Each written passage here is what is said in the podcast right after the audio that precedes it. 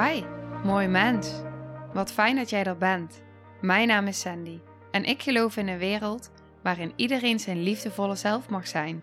In deze podcast praten we openlijk over alle struggles die je tegenkomt op het moment dat je tegen jezelf aanloopt. Vanuit mijn kennis en ervaring deel ik levenslessen en geef ik je inspiratie hoe jij vanuit pijn en angst weer voor liefde en vertrouwen kunt kiezen, zodat jij, dwars door het donker, de weg terug kunt vinden naar het licht in jezelf. Welkom bij de Liefdevolle Strijder Podcast.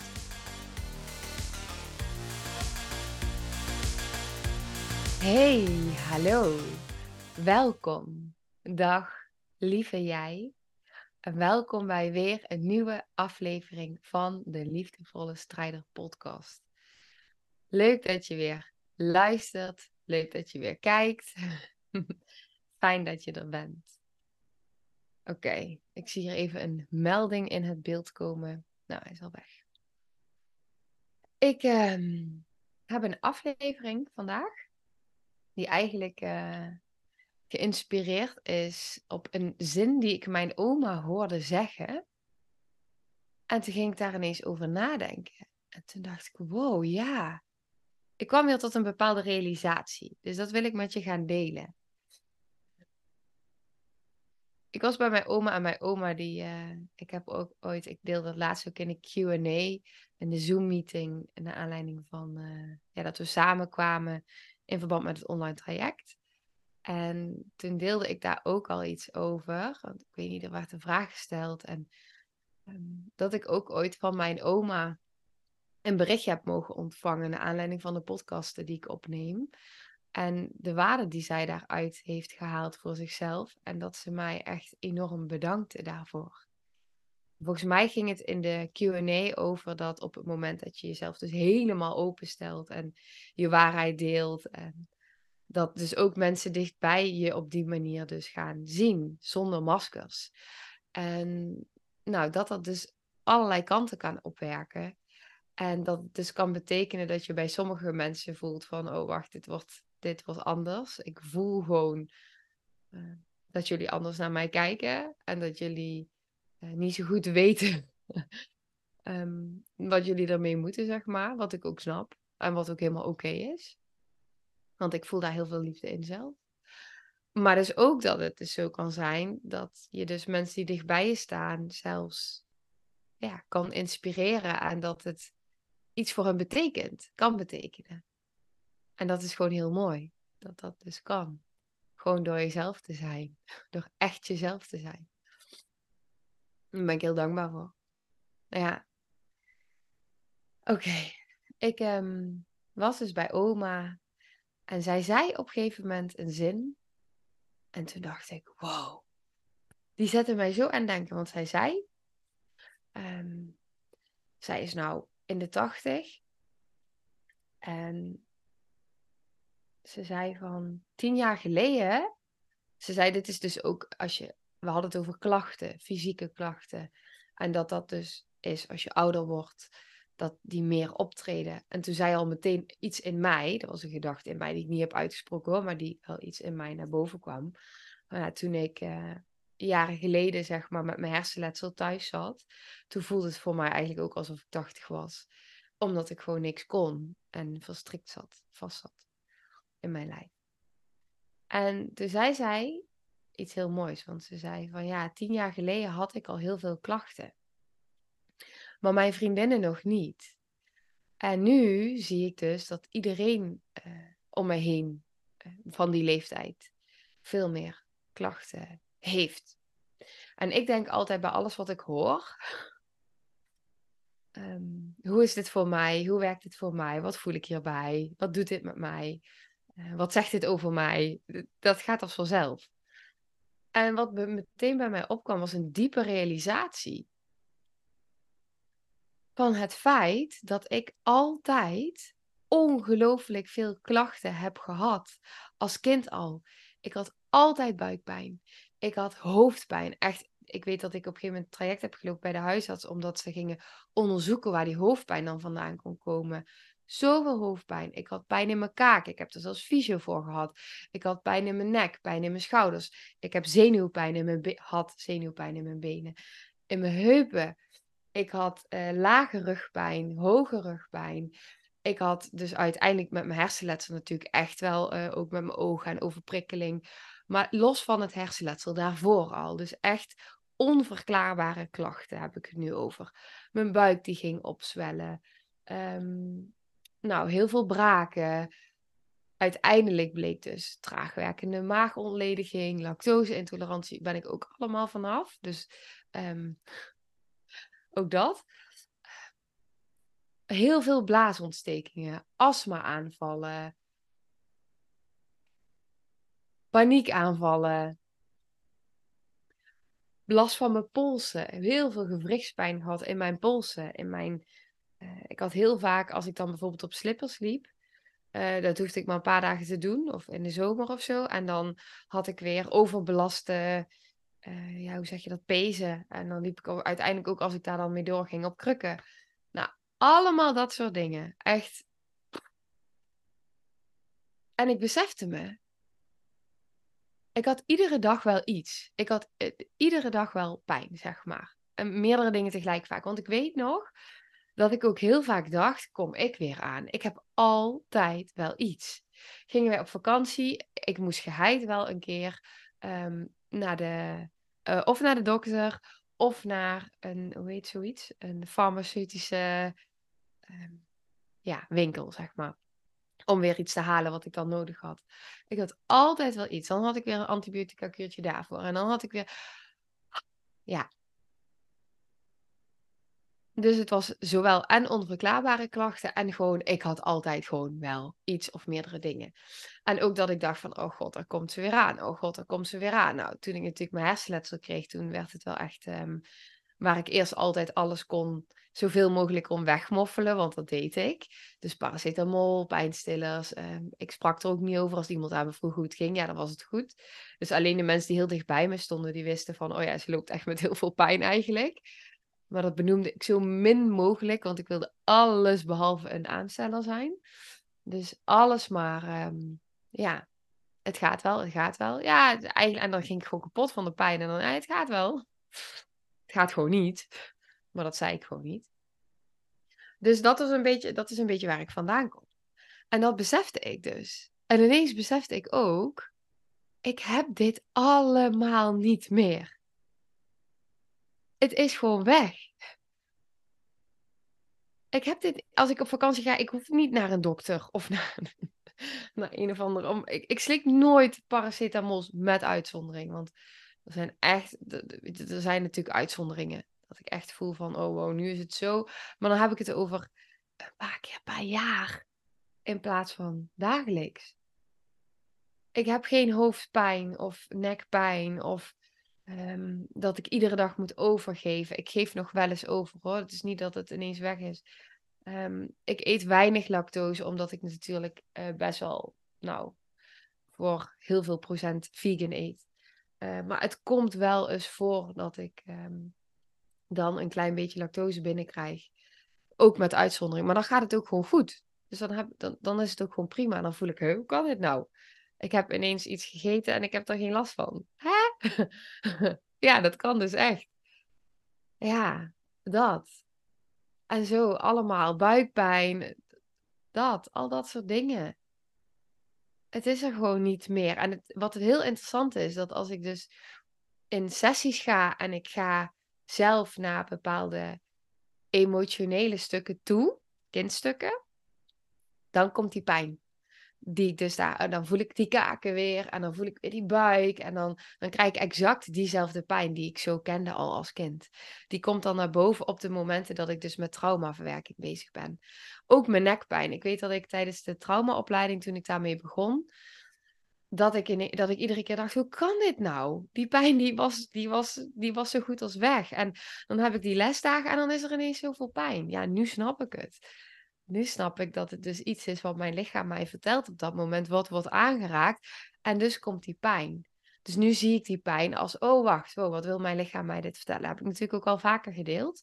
Maar gewoon het besef dat dus, hoe het dus kan shiften. Dat, dat ik altijd vocht tegen de pijn. Dat er altijd heel veel pijn was. En dat ik echt altijd, nou ook niet snapte van hoe kan het nou dat ik elke keer zoveel klachten heb. En zoveel dingen tegelijk. En dat ik nu dus op een punt ben dat weet je, ik weet nog dat toen tijdens mijn hersenletseltijd, dat het niet eens meer ging over heb ik pijn of heb ik geen pijn, maar wat, ik was alleen maar bezig met wat kan ik doen om zo min mogelijk pijn te hebben? Wat kan ik doen om zo goed mogelijk de dag door te komen? Alles maar gaan vermijden, zeg maar. Al die pijn maar vermijden, vermijden, vermijden. Dat was natuurlijk eigenlijk al heel lang aan doen. Onderdrukken, vermijden, niet naartoe willen. En nou ja, als, als je dat, natuurlijk mijn verhaal een beetje kent, waar ik op mijn 28ste uh, nou, aan ben gekomen met mezelf en uh, mijn lichaam. Ja, eh, mijn lichaam zei gewoon volledig en 100% nee. Die zei gewoon stop. Het is gewoon klaar. Ik kon gewoon niks meer.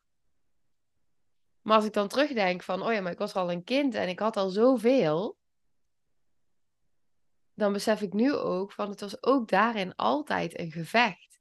Ik mag geen aansteller zijn. Ik mag het niet laten zien. Het moet goed gaan. Ik wil niet dat het er is. Ik wil het niet. Ik wil het niet. Ik wil het niet. Maar eigenlijk zei ik daarmee continu tegen alles wat mijn lichaam zichtbaar wilde maken. Van alles wat daaronder ligt aan emotionele pijn en blokkades. Van nee, nee, nee, ik wil het niet, ik wil het niet. En ik druk het harder weg. En hoe meer pijn ik krijg, hoe harder ik me er tegen ga verzetten en vechten. En ik weet dat bij mij is er echt een omkeer geweest op het moment dat ik dus naar mijn pijn toe ging ademen. Daar is het bij mij begonnen. Van oké, wacht, ik ga naar mijn pijn toe ademen. Laat het er maar zijn. En ik ga gewoon erin. Ik ga in de pijn. Ja, en daar is het begonnen. Het, het, het verschil met het vechten tegen als ik adem er naartoe. En zo is dat die reis geweest, waardoor er steeds meer liefde en compassie is gekomen voor mezelf. En natuurlijk al die stukken die daaronder lagen, aangekeken werden en doorvoeld werden en aangekeken en doorvoeld werden. Al die, alles wat daaronder naar boven wilde komen en zichtbaar wilde worden. Als ik pijn, weer hele heftige pijn kreeg, dan was het oké, blijkbaar mag ik nu vertragen. Oké, dan ga ik daar naar luisteren. En dan voelde ik dat er emoties uit wilden. En dan voelde ik dat er van alles eigenlijk uit mijn lichaam, um, wat er gezien en gehoord wilde worden door mij. En wat niet weggedrukt wilde worden met pijnstillers of medicatie of uh, nou ja, de weerstand van binnen, zeg maar. En dat heeft alles veranderd. En ik besefte dus nu, ineens door die opmerking ook van oma, dat ik dus ook besefte, wow, maar dit is dus wat, die realisaties, het, ik deel er continu over. Ik zie het bij mensen. Ik ervaar het zelf. En toch blijven steeds weer die realisaties dan komen van wow, maar dit is hoe het dus echt was bij mij. En nu besef ik dus ineens, maar ik heb dat gewoon helemaal niet meer. Hetzelfde met ongesteldheid. Ik weet dat toen ik een jaar of elf was, werd ik ongesteld voor het eerst. En nou, ik dacht echt, ik ging echt kapot van de pijn. Echt. Ik kon niet meer zitten, ik kon niet meer staan. Alsof ik, nou, als ik nu denk aan mijn bevalling, alsof ik gewoon zware weeën had en ging bevallen. Het was zo intens. Ik wist niet meer hoe ik moest ademen. Ik ging helemaal krom en geen enkele houding hielp. Zo heftig was mijn pijn.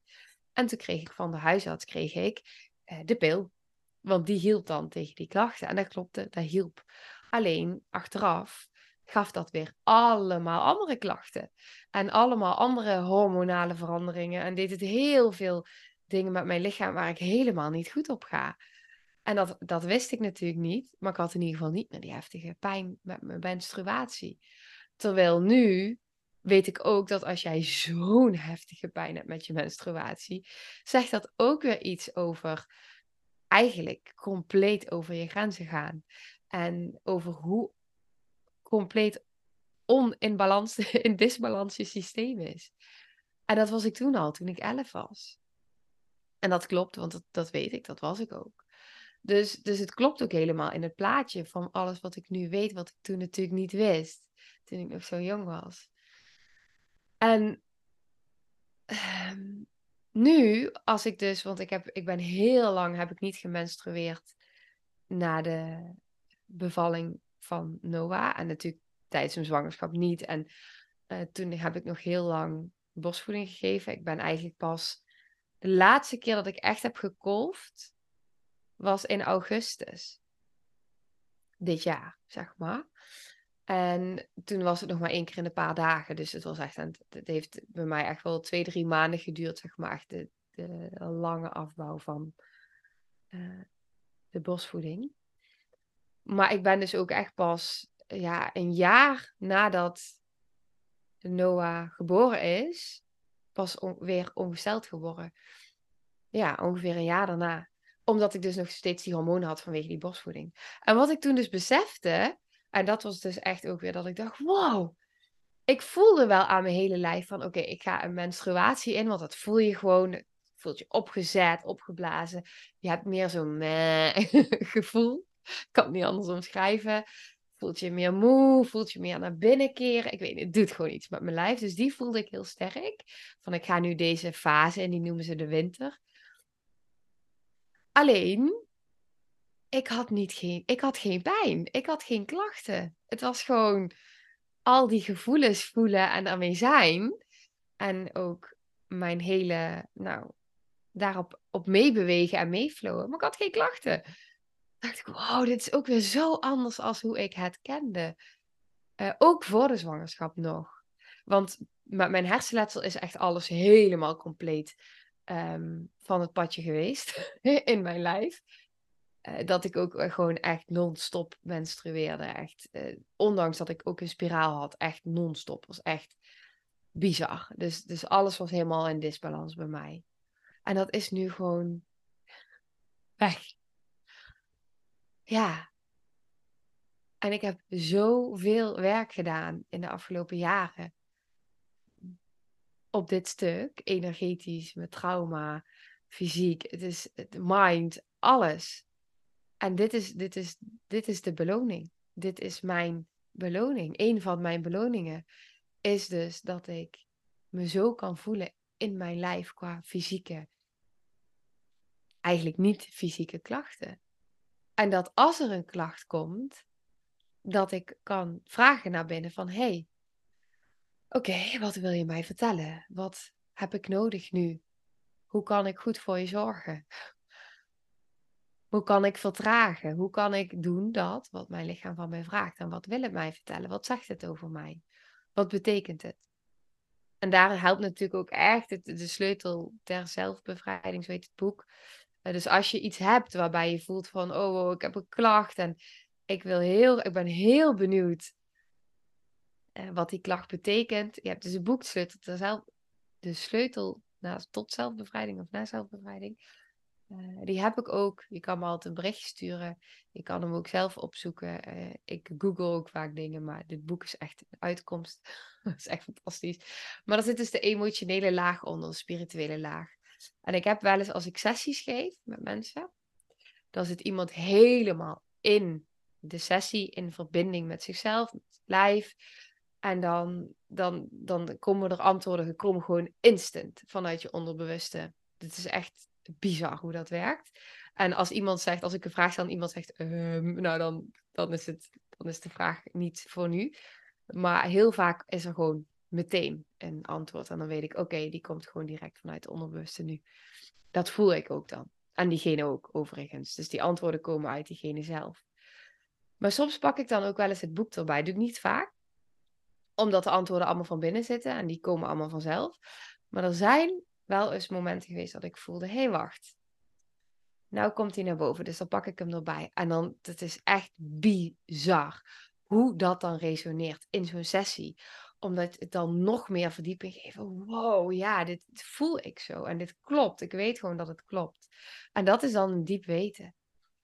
Dat is mooi. Het is echt mooi dat het zo werkt. Omdat op het moment dat je mind kan begrijpen en kan voelen van wow, maar dit is inderdaad wat ik altijd zo voel. En dat is dus exact wat ik dus in fysieke klacht tot uiting geef.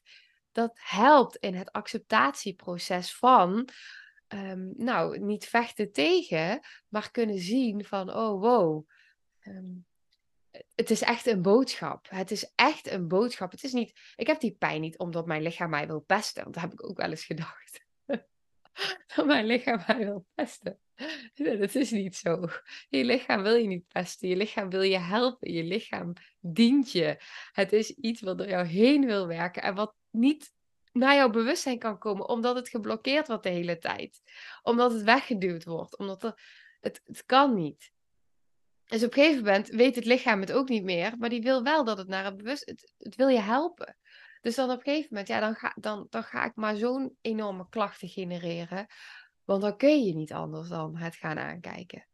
Mijn ervaring, mijn waarheid. Voel vooral of dat het resoneert met jou.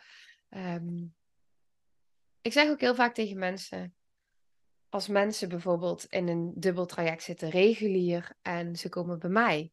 Ik raad altijd aan om ook het reguliere pad waar ze in zitten te blijven volgen. Volg vooral je gevoel. En als jouw gevoel zegt, ik wil ook het reguliere pad volgen, dan sta ik compleet achter je, want het is jouw weg.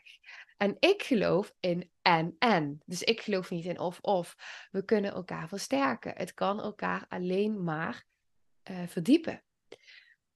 Ik heb ook wel heel veel mensen die bij mij komen. En die ervaring heb ik ook. Um, dat het voelt alsof je steeds verder wegkomt. In het traject waar je al in liep. En dan uh, mijn ervaring, ik zal het bij mezelf houden. Mijn ervaring is dat ik heb 14, 15 behandelaars gehad uh, na het ongeluk in 2018. 14, 15 behandelaars, regulier. En uh, ook alternatief. Maar in eerste instantie regulier. Nee, ik had wel al meteen alternatief. Alleen het ging niet meer. Dus ik had bijvoorbeeld de chiropractor. Dit ging echt niet. De, wow, heftig. En um, uh, mensen die heb ik nog gehad. Dat was ook dan een soort toch wel vorm van alternatief volgens mij een beetje. Um, maar het, het, was allemaal zoveel te hebben. Ik kon het gewoon allemaal niet meer handelen. Mijn lijf kon niets meer aan. Dus elke behandeling was gewoon overbelast voor mijn systeem.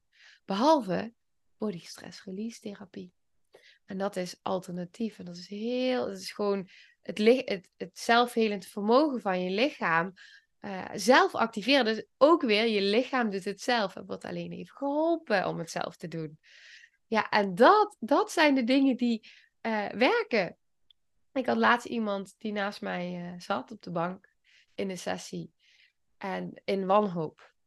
Echt, echt in wanhoop. En um, ja, ik zie dat helaas veel vaker. Door de paden die ze aan het bewandelen zijn, ergens anders. En um, wat vaak is, is dat, en dat herken ik ook, eh, als ik hoofdpijn had, ging het alleen over de hoofdpijn. En als ik pijn had in mijn buik, dan werd er alleen gekeken naar mijn buik. Maar ik zei elke keer tegen, tegen de dokter en ook in het ziekenhuis: die buik heeft te maken met mijn brein. Ik heb hersenletsel en die buik staat in, dat, dat komt vanuit mijn brein. Ik, ik moet overgeven omdat ik overprikkeld ben. En uh, die, die maag die zwelt op omdat mijn, mijn, mijn, en mijn darmen ook, omdat mijn lichaam geen eten meer kan verwerken, omdat ik zo overbelast ben. Nee, dat kan niet. Nee, het is een traagwerkende maag. Nee, het komt door de lactose. Maar ik voelde zo sterk van binnen. Nee, mijn lijf is overprikkeld. Mijn lijf is overbelast. Want het, ik ging het gewoon zien op de momenten dat ik bijvoorbeeld meer had gedaan. Dan ging ik veel meer overgeven. Dus in plaats van dat ik dan één keer per dag overgaf in de avond, omdat dan al de prikkels van de hele dag waren opgebouwd, gaf ik al in de middag over. En als ik heel erg overbelast was, dan stond ik op, dan ontbijtte ik en hield ik zelfs dat niet meer binnen. En dan was de nachtrust zelfs, want dan had ik, als ik uh, zoveel overbelast was, dan was de nacht was gewoon, het was gewoon kermis in mijn hoofd. En dat ging maar door en door en door en door. En ik sliep sowieso heel slecht. Dus dan was het in de ochtend al overgeven. Ik kon gewoon zien van, oh maar wacht, uh, prikkels, standaard overgeven. Op een gegeven moment ging het steeds beter en beter en beter. Um, maar dan wist ik, als ik nu naar een event ga of ik ga nu um, naar een schooldag, uh, nou, dan kon ik bijna de klok op gelijk zetten. En ik deed daarin natuurlijk ook, want hè, op een gegeven moment ga je dan ook manifesteren, zegt er iets in mij. Um, maar ik was heel erg bewust bezig met mijn mind daarin uh, en mijn lijf juist ehm, in het vertrouwen en nou, dat. Dus ik was heel bewust van wat manifesteer ik nu. Maar ik voelde gewoon na zo'n dag overgeven, overprikkeld. Mijn lijf kon dan gewoon, en dat doet die nervus vagus. Want je lijf, die nervus vagus, die zit natuurlijk heel erg, dat is de tiende hersenzenuw, je grootste zenuw. En mijn hele spijsvertering, die moet, mijn eten moet verwerkt worden. Maar hoe kan die verwerkt worden als mijn hele lichaam eigenlijk weer in traumastand zit? Ja, als jij terugdenkt aan de oertijd en jij moet vluchten of jij bevriest. Um, bij mij staat hij dus heel erg in de bevriezing. Um, die komt na het niet kunnen vluchten of vechten. Ja, hoe kun jij dan eten gaan verwerken? Daar heb je natuurlijk geen tijd voor, want je lichaam is aan het overleven. Dus krijg je spijsverteringsproblemen en dat had ik en dat werd steeds erger. Voor mij heel logisch, want het lichaam is één systeem. Dus alles werkt samen en alles ja, staat in verbinding met elkaar.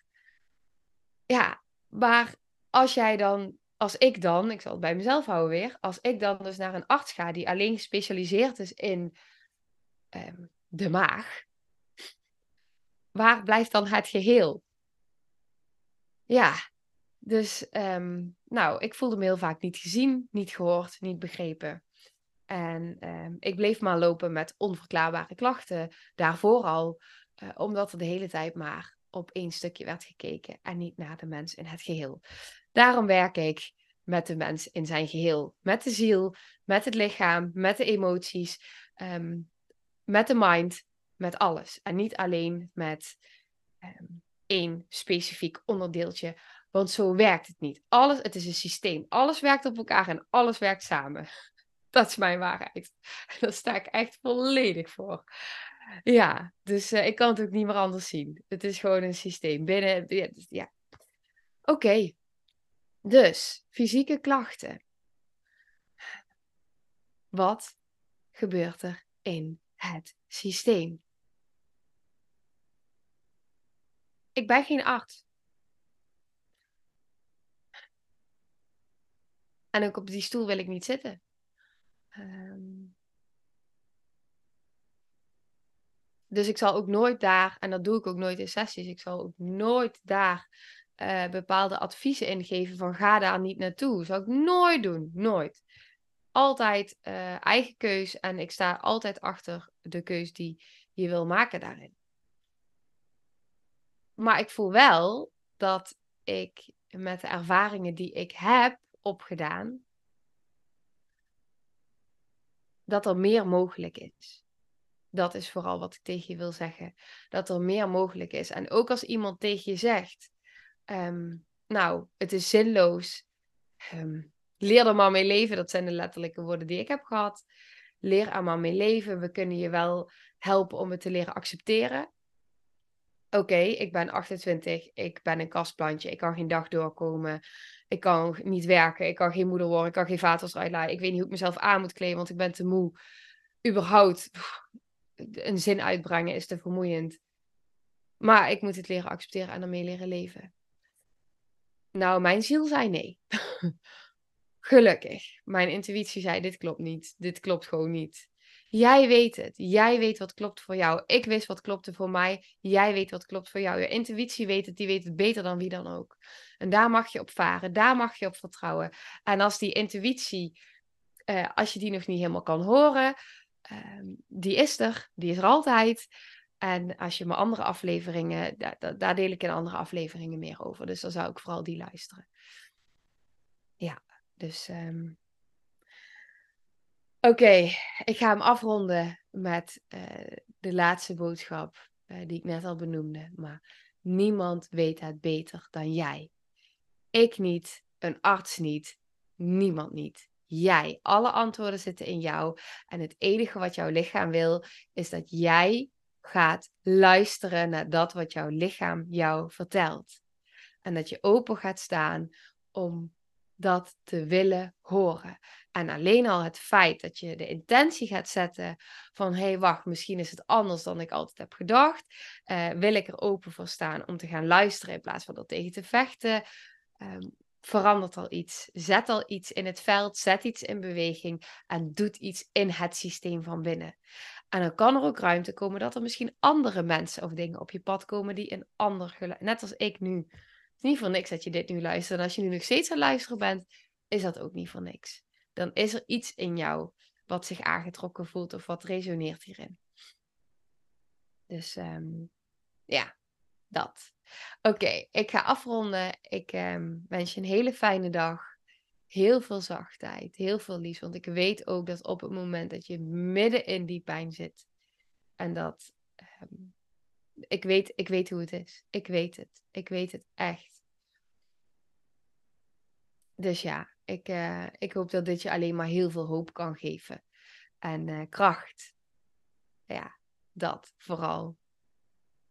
Ja, want dat is het. En uh, dat wil niet zeggen dat ik um, daarmee zeg van, uh, nou nee, nee, dit is het, dit is het. Oké, ik heb genoeg uh, gepraat voor vandaag. Ik wens je, nou niet voor vandaag, maar voor deze aflevering. Het is goed zo. Ik wens je een hele fijne dag en veel liefs voor jou. Oké, doei doei. Nou, lieve mensen, ontzettend bedankt voor het luisteren. Ik ben heel benieuwd wat je van de aflevering vond en welk inzicht je eruit hebt gehaald. Mocht je nog vragen hebben of is er een onderwerp waar je meer over wilt weten, laat het me dan weten. En wie weet neem ik het mee in een van de volgende afleveringen. Als je het leuk vindt, kun je de aflevering delen. Of maak een screenshot en tag me op Instagram. Want ik vind het echt super tof om te zien wie er luistert. De link van mijn Instagram staat in de beschrijving bij de podcast. En wil je blijvend geïnspireerd worden? Klik dan op abonneer of volgen in de podcast-app waarmee je luistert. Dat zouden ik en alle toekomstige luisteraars enorm waarderen. Want dat zorgt er namelijk voor dat de podcast beter gevonden wordt. Nogmaals, dankjewel voor het luisteren en heel graag tot de volgende aflevering.